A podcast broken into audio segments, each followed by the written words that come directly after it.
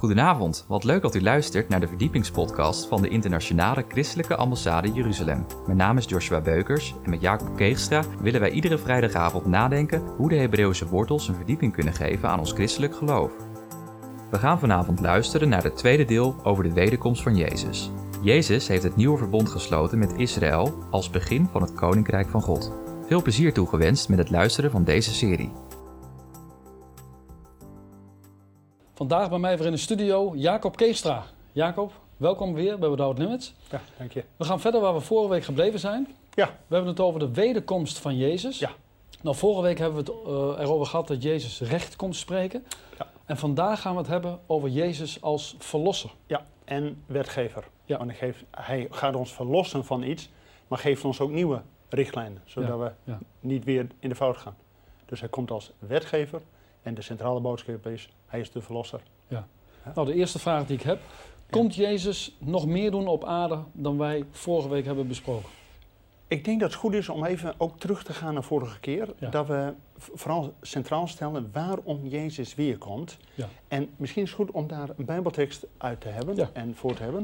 Ik wil graag deze keer eh, lezen uit Hebreeën 9, vers 27 en 28. Want dan zien we de boodschap van vorige keer weer terugkomen en dan kunnen we daar Die op zal ik eh, aanhaken. lezen. En zoals het de mensen beschikt is eenmaal te sterven en daarna het oordeel, hè, daar hebben we het uitgebreid over gehad. Zo zal ook Christus, nadat hij zich eenmaal geofferd heeft om vele zonden op zich te nemen, ten tweede male zonder zonde aanschouwd worden door hen die hem tot hun hel verwachten. Amen. Ja. Nou, dat is de boodschap voor vandaag. Ja. Dat hij, heel duidelijk, dat hij dus een tweede keer komt. Met andere woorden, de wederkomst van Jezus kunnen we niet eh wegpoetsen. Dat het koninkrijk van God al hier op aarde is. Nee, Ja. de tweede komst van Jezus is nabij. Ja. En zeker al 2000 jaar dichterbij als in de tijd. Als toen. Dus- ja. Ik bedoel, het is heel duidelijk dat we nu waakzaam moeten zijn, want de tweede komst van Jezus is nabij. En dan staat er, die hem tot hun heil of heiland, heelmaker verwachten. Dus Jezus komt om te verlossen, om Ja. hè, vorige keer recht te spreken, dat oordeel.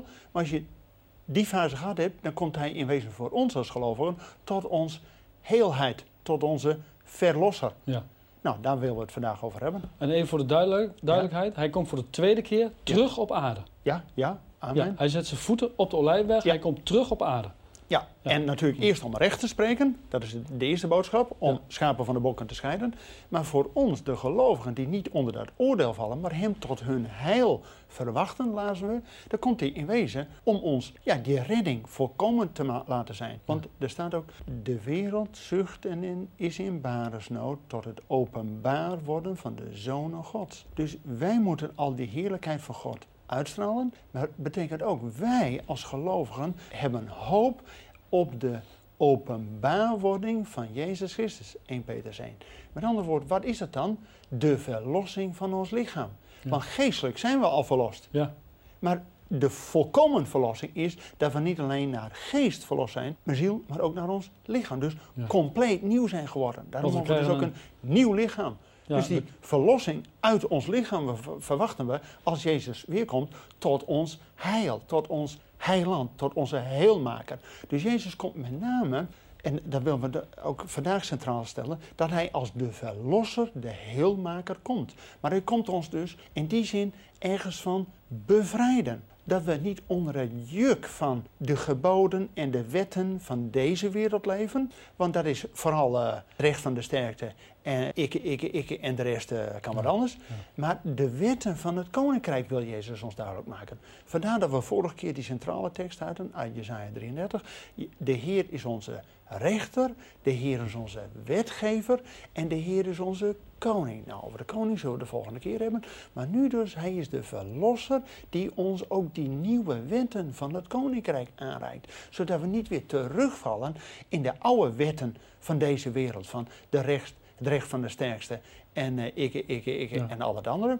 Maar dat hij ons leert om te leven volgens de geboden van het Nieuwe Testament. En Jezus zegt ook in Johannes 14, vers 15: Wanneer gij mij lief hebt, zult gij mijn geboden doen. Trouwens, het is veel moeilijker om de geboden van het Nieuwe Testament te doen dan de geboden van het Oude Testament. Ja, met de geboden van het Oude Testament bedoel je de tien geboden? Ja, maar er staan nog 613 geboden in het Oude Testament. Dus de orthodoxe Joden die houden zich aan die 613 geboden. Maar in het Nieuwe Testament, weet je dat daar wel duizend geboden staan? Nee, dat wist ik niet. Ja, dat is niet te doen. Met andere woorden, we hebben God nodig Ja. in Jezus die dat voor ons uitwerkt. Want uit eigen kracht kunnen we nooit bidden ten alle tijden. Waakt ten alle tijden. Verheugt u ten alle tijden. Min, dat kunnen we toch nooit doen? Uit eigen kracht kunnen we dat niet doen. Met andere woorden, het Nieuwe Testament is zonder geloof in Jezus niet te doen. Maar met ons Heer, natuurlijk, gaan wij Ja. in het licht van Hem wandelen. we. Want met hem is alles mogelijk. Amen. Amen. Ja, dat is jouw uitspraak, maar dat is natuurlijk wel de Bijbelse waarheid. Ja. Maar dat betekent dat wij de geboden van Jezus, en dat heeft natuurlijk alles weer te maken, wat ook al in het eerste verbond, het Oude Testament staat, hè, die tien geboden op de twee stenen tafel, maar dat is natuurlijk samengevat in, heb God lief boven alles en je naast als jezelf. Dat is Ja. ook de gulden regel, de gouden regel van het christendom. Ja. En daar zitten ook eigenlijk al die geboden in. Daar zit al die geboden in. Maar betekent ook, Jezus komt om recht te spreken, hebben we vorige keer gezien. Maar dat hij dus ook ons de regels, de rechtmatige regels, de wetten van het koninkrijk geeft. En nou is het heel belangrijk om te weten dat het Nieuwe Testament gefundeerd is in het Oude Testament. Ja. Daarom komt Jezus eerst ook om Israël te verlossen. Want de boodschap van het nieuwe verbond staat al in Jeremia 31, vers 31, waar staat dat God zijn volk zal ja, verlossen en dat hij hun de leefregels van het koninkrijk in hun hart zal prenten. Dus hij zal hun een nieuw verbond geven. En dat dat niet meer op twee stenen tafel, de tien geboden is, die buiten ons is. Maar dat die geboden van God in ons hart is. Natuurlijk door de Heilige Geest. Dus het fundament van het Nieuwe Testament, dat we door de Geest leven en de geboden van Jezus doen, en met name het liefdesgebod, maar ook waarheid, gerechtigheid en vrede. En al de gaven van de Geest komen daar ook in naar voren, maar we hebben de, de Geest nodig om de gaven van de Geest uit te werken in ons leven en om als christen te leven. Maar betekent dat het fundament al ligt in dat God in zijn eigen volk Israël het nieuwe verbond aanbiedt. En daarom komt Jezus om vooral eerst ook zijn eigen volk te verlossen. En dat heeft alles te maken dat bijvoorbeeld er staat in Jesaja 11 dat Jezus een tweede keer komt om zijn volk te verlossen. Niet alleen uit Babel zijn ze verlost, maar nu een tweede keer dat hij ze vanuit de vier windstreken haalt en ze terugbrengt in het land. Ja. Dat zien we nu al, dat Ja. Israël na 1948 alweer langzamerhand aan het ontstaan is. Ja, Joden dit- gaan ook allemaal weer terug, hè? Naar maar Israël. dit zijn nog de Want ze zijn nog fysiek wel aanwezig, maar de geest moet nog komen, zodat het een machtig leger van Joden, van Godlovers gaat worden. Met andere woorden, er moet nog een tweede verdieping komen in het verlossingsplan, dat Jezus komt om met name zijn eigen volk te verlossen, weer bij de les te brengen, zodat zij ook leven volgens de leefregels van het verbond.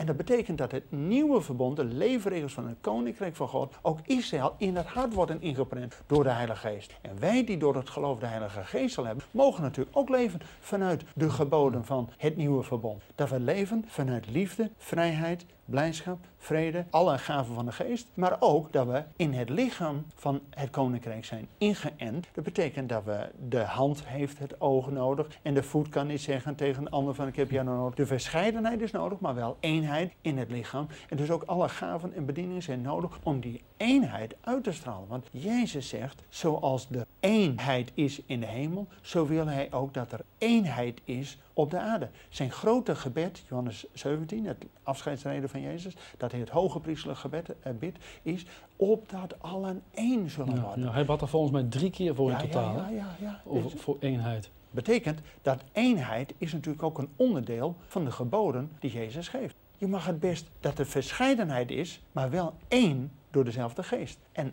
ja, dat zijn allemaal onderdelen van het koninkrijk van God. Dat hij dus aangeeft dat ja, de wetten van het koninkrijk in ons hart geplant moeten worden. Nou, en dat is best lastig om eh, te En- weten. En je had het net over de Heilige Geest, hè? want dat vind ik Ja. mooi. Dat wil ik wel even noemen. Dat Lucas die noemt één keer in de Bijbel dat de Heilige Geest is de geest van Jezus. Ja. En dat vind ik zo mooi. Ja. Dan denk ik, hè, Jezus zelf, Ja. door zijn geest, woont in ons. Zo Ja. prachtig. Want in wezen, Jezus was anders fysiek, maar op één plek op aarde. Ja, Maar door zijn geest kan hij en al zijn kinderen op aarde tegelijk aanwezig Ja, zijn. ja. Dus het is een wonderbaarlijke vermenigvuldiging. ja, prachtig. Jezus komt om Israël te verlossen. Wat hebben wij daaraan, als je het daarover hebt? Nou, we hebben die tekst uit Hebreeën 9 al gelezen. Dat allen die Jezus tot hun heil verwachten. Ja. Nou, en in Hebreeën 9 betekent ook Nieuwe Testament dat het ook voor ons als gelovigen is. Dus het is niet alleen dat Jezus komt om Israël weer terug te brengen, te verlossen en de leefregels van het koninkrijk te geven, maar ook voor ons die tot geloof in hem zijn gekomen. Want het zal worden één kudde, één herder.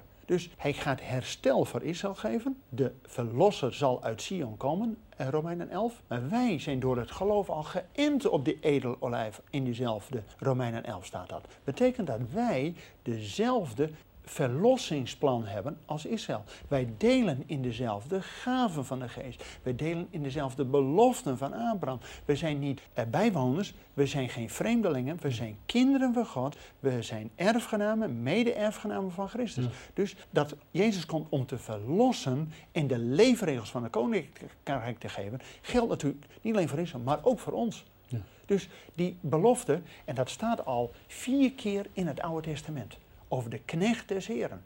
Bijvoorbeeld Jesaja 49, waar staat dat de knecht des Heren wordt geroepen om Israël te verlossen. Maar dan zegt God, het is mij te gering dat gij alleen de verloren schapen van het huis Israëls terugbrengt. Ik zal u stellen tot een licht voor de volkeren. Nou, dat is ook voor ons. Dus wij delen volledig in het heilsplan van God met deze wereld. Daarom wordt het evangelie vanuit Jeruzalem de wereld over, zodat wij ook tot geloof komen en wij samen ook weer hem terug verwachten in Jeruzalem. En we gaan het volgende keer hebben over dat wanneer Jezus weer komt en zijn voet zal zetten op de olijfberg, dat hij koning zal worden vanuit dat punt. Ja. Want vanuit dat punt, Sion, zal ook de Torah, die wetgeving, die leefregels, die onderwijzing. Alleen het gekke is, in de kerkgeschiedenis hebben wij altijd gezegd, de geboden. Nou, dat staat er niet.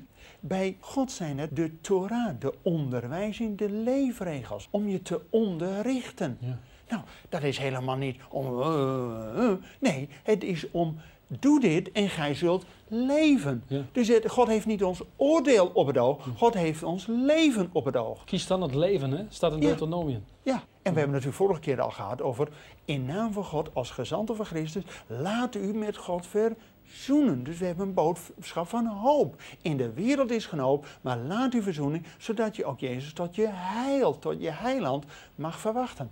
Nou, en dat wij delen in diezelfde heilsbelofte en de heilsplan van God ook niet alleen voor Israël is, maar voor alle volkeren. Nou, dat staat al vier keer in het Oude Testament. Dat die knecht van, van Israël, Jezus, om Israël weer terug te brengen, maar ook het licht te zijn voor alle volkeren. Als Jezus voor de eerste keer in de tempel wordt gebracht, nog als babytje, dan zijn die twee ouderen vandaag, Simeon en Anna, die profeteren drie dingen. Dat hij zal zijn tot een licht voor de volkeren, heerlijkheid voor zijn volk Israël en verlossing van Jeruzalem. Dus het gaat ook om die verlossing van Jeruzalem. Want daar zal ik komen om als koning te regeren. Dus die verlossing is natuurlijk inclusief. Is voor ons, voor Israël en uiteindelijk voor, voor Jeruzalem, waar hij zijn koninkrijk vanuit zal gaan vestigen. Om uiteindelijk over de hele wereld uit te rollen. Ja, En dan mogen wij met hem regeren. Nou, dat zullen we volgende keer zien. Amen. Maar die leefregels van het koninkrijk. Jezus zegt, mijn geboden zijn niet zwaar. Wij hebben het wel eens over, oh, dat is allemaal zo moeilijk als je christen bent, want je mag dit niet en je moet dat. Nee, Maar als het goed is, wil je het niet meer. Je wil al dat andere niet meer. Het is een ballast, Ja. laat je dat allemaal achter. Want wat staat er heel duidelijk in, de, in het Nieuwe Testament? Dat de wereld uit angst voor de dood tot slavernij gedoemd is. Dus ze houden zich allemaal maar vast. Je moet dit doen om, om eh, gelukkig te zijn. Je moet dat doen, anders hoor je er niet bij. Je moet dat vooral hebben om helemaal weer eh, happy te zijn. Dat zijn allemaal wetten die we onszelf hebben op laten leggen. Ja. En daardoor zijn we weer teruggegaan naar een slavernij. En Jezus heeft ons vrijgekocht van die slavernij. Laat je dan niet weer knechten. Dus allen die hem tot hun heil verwachten. Daarom is het woord van God niet alleen een lamp voor onze voet, waar we dagelijks in het licht de handelingen mo- moeten doen, maar ook een licht op ons pad, waar we weten dat zijn licht komende is. Nou, en dat betekent dat we nu al leven in het licht van de koninkrijk. Dus ook de leefregels van de koninkrijk moeten doen. En dat is natuurlijk allemaal, heb je naaste lief als jezelf. Een van de belangrijkste, vind ik zo. Da- da- daar kunnen wij nog wat van leren. Ik, ik heb het vooral over mezelf. hè. Filippenzen 2 vers 3. Daar staat, in ootmoedigheid of nederigheid, acht de een de ander uitnemender dan zichzelf. Nou, dan hebben wij als christen nog een hoop te leren. Want voor dit weten hebben we toch heel veel trots. Hè? Van ik ben toch eigenlijk nog eventjes, net eventjes beter dan jij. en de Heer mag eigenlijk wel een beetje tevreden met mij zijn. Hè? Want ik ben niet zoals die tollenaar. Zie je hetzelfde gebed? Dat die fariseeërs, Ja. die dachten al, oh ik ben Ja. lekker veel beter. Maar die tollenaar had het begrepen. Die keek niet naar de hemel, die zegt maar één ding. Heer, wees mij zondaar, genade. Die wist wat zijn plek was. Ja. Maar die werd behouden. Geweldig toch? Als wij vanuit die houding, dat we als die tollenaar die het niet zelf kunnen, want de geboden in het Nieuw Testament zijn duizend, nou die kun je uit eigen kracht niet hebben en, en niet volbrengen. Dus we hebben Gods geest nodig. Maar Heer, geef me uw geest dat ik in uw licht mag wandelen. En als wij hem bidden om zijn geest, zal een vader die, waarvan de kind vraagt om een brood hem niet voor stenen geven, zo zal de hemelse vader ons ook de heilige geest geven die hem daarom bidden. Dus we mogen door Gods geest de leefregels van de koninkrijk kennen. En mijn geboden zijn niet zwaar, zegt Jezus. Daarom werpt u juk van je, van al die slavernij. Want mijn geboden zijn licht. Maar dat betekent, ja, wij vertalen dat iedere keer maar geboden. Het zijn gewoon de leefregels. Ja. We willen volgens de koers die Jezus ons heeft. Ik had eens een geweldig verhaal gehoord. Eh, er was een kapitein van een schip en die voer bij Indonesië, bij al die eilanden langs. En die toeristen over de railing keken en die zagen allemaal rotsblokken dichtbij. En denken, oeh, kapitein, gaat dit wel goed? Ja. Kapitein, kent u al die rotsblokken? De kapitein zegt, nee, maar ik weet de route. Toen dacht ik, ja, wij zitten ons zo vaak op die omstandigheden. Oeh, apen hier, beren daar. En we zijn alleen maar druk met al die dingen, die omstandigheden, zonder dat we onze route kennen. Want de Heer zegt al in Psalm eh, 37, ik zal u de weg wijzen. Nou, die weg is niet zwaar. Ja. De geboden van de Heer, eigenlijk de leefregels zijn niet zwaar. Werp die juk van je af, die slavernij die ons door de wereld zijn aangepraat. Van oeh, je moet toch al vooral net even iets beter dan je buurman zijn. Je moet ons net even te vergelijken met je buurman. Dat zijn allemaal dingen van deze wereld, van Ja, ik vind het deze een prachtige betekenis. openbaring wat je nu zegt. Ja, het is eigenlijk niet zo moeilijk, maar we moeten ons iedere keer weer eraan herinneren. Daarom is het ook mooi, deze boodschap. Want ik word er ook iedere keer zelf weer bij bepaald. Dat je iedere keer weer nodig hebt, de een acht de ander uitnemender dan zichzelf. Met andere woorden, ik mag jou ook bemoedigen van, ga vooral door met de roeping die God op jouw leven heeft. Ja. God heeft mij heel duidelijk gegeven van, predik het woord. Nou, God heeft jou veel meer de boodschap van, als evangelist. Nou, en samen komen we een heel eind. Ja. Ja, nee, maar ik bedoel, Ja. iedereen heeft zijn gaven in het lichaam van Gods koninkrijk. Maar het gaat er dus allemaal om dat we leven volgens de leefregels van het koninkrijk. En dat betekent dat je elkaar niet zit te verbijten, maar elkaar de ruimte geeft om tot bloei, tot volle wasdom te komen. En je mag best wel eens een verschillende visie hebben. Ja, tuurlijk. Jezus was toch ook drieënhalf jaar met zijn discipelen bezig om hen te coachen. En na de opstanding nog veertig dagen uitleggende van het koninkrijk. En toen pas door Gods geest dat ze de wereld werden ingezonden. Ja. Toen waren ze bekwaam. Nou, wij worden pas bekwaam dat we door Gods woord en door Gods geest de marsroute van God hebben. En niet om al die omstandigheden, al die rotsblokken hier en links en rechts. Want dat benauwt ons alleen maar. Ja. En daar struikelen we over. Dan struikelen we, dan zitten we veel te veel op onze knieën te kijken. Route voor ons houden. Dan, hè, als gij deze dingen ziet gebeuren, want in de wereld zal het alleen nog maar meer puinhoop worden. Ja. Crisis en, en aardbeving en oorlog en al die geruchten. Ja, de Als gij deze dingen ziet gebeuren, heft uw hoofd op. Want uw verlossing en uw verlosser is erbij. Want de verlosser zal naar Sion komen. Eerst om Israël te herstellen, maar in dat zal ook ons. Nou, ik bedoel, daarvoor gaat het koninkrijk leven. Prachtig, hè? Ja, gewoon geweldig. Ja, prachtig. Ik heb nog een vraag. Ja. Ehm, als we nog een keer vers 28 lezen van eh Hebreeën 9. eh, daar staat, zo zal ook Christus, nadat hij zich eenmaal geofferd heeft om vele zonden op zich te nemen, ten tweede male zonder zonde aanschouwd worden door hen die hem tot een hel verwachten. Maar wat gebeurt er dan met diegenen die hem niet tot een hel verwachten? Ja, dat hebben we natuurlijk in wezen vorige keer al gezien. Nou, ik wil er toch nog even duidelijk op terugkomen. Er zijn misschien mensen die de aflevering van vorige week niet hebben gezien. En ik denk dat het toch belangrijk is dat we dat nog een keer duidelijk uitleggen. Nou, in deze tekst staat dat Jezus de eerste keer kwam om door kruis en opstanding af te rekenen met de zonde.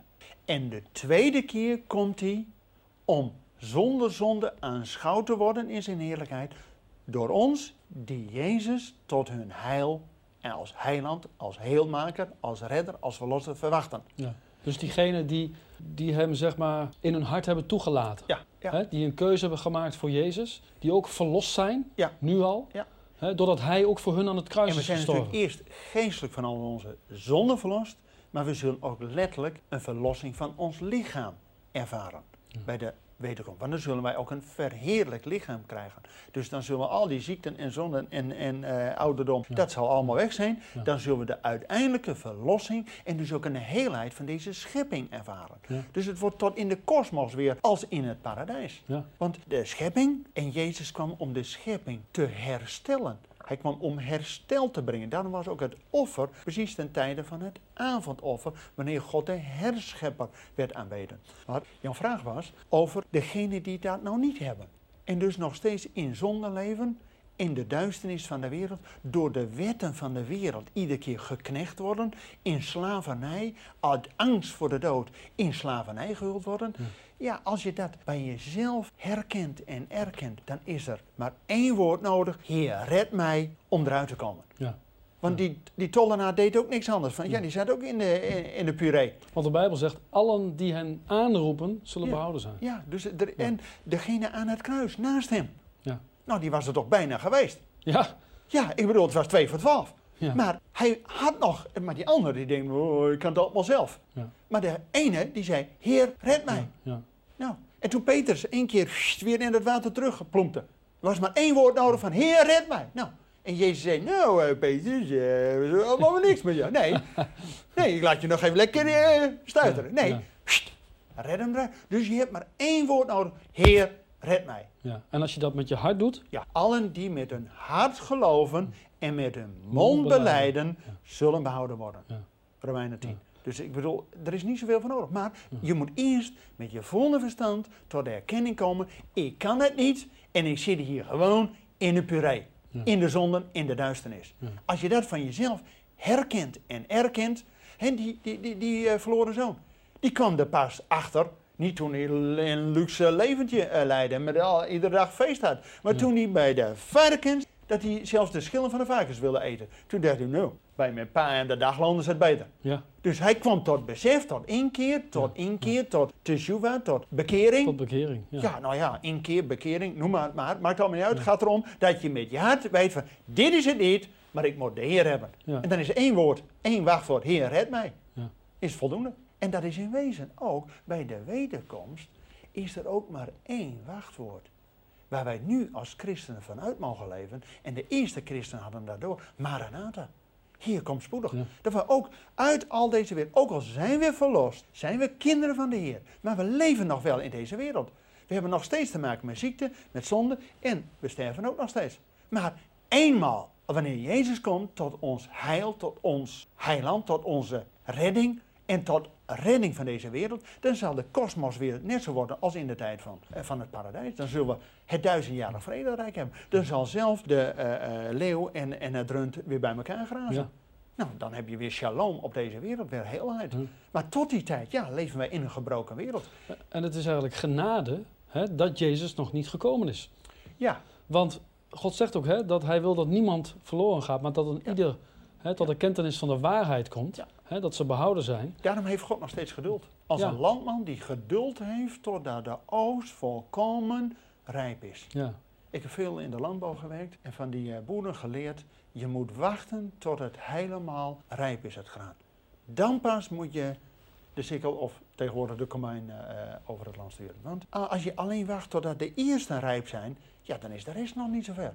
Ja. Dus de God als landman wacht tot de volle koren helemaal rijp is. Ja. En dan de oogst. Ja, er zijn alleen wel. De oogst is rijp, maar bid de Heer van de oogst dat hij arbeiders uitzenden. Ja. Dus ik, ik hoop in mijn gebed is ook dat door deze uitzendingen, dat er ook nog velen tot geloof mogen komen, dat ze erkennen en herkennen. De troep waar ik in nu zit, dat is hem niet. Jongens, we hebben nodig om in het plan van de Heer te zijn. En dat we hem tot onze redding verwachten.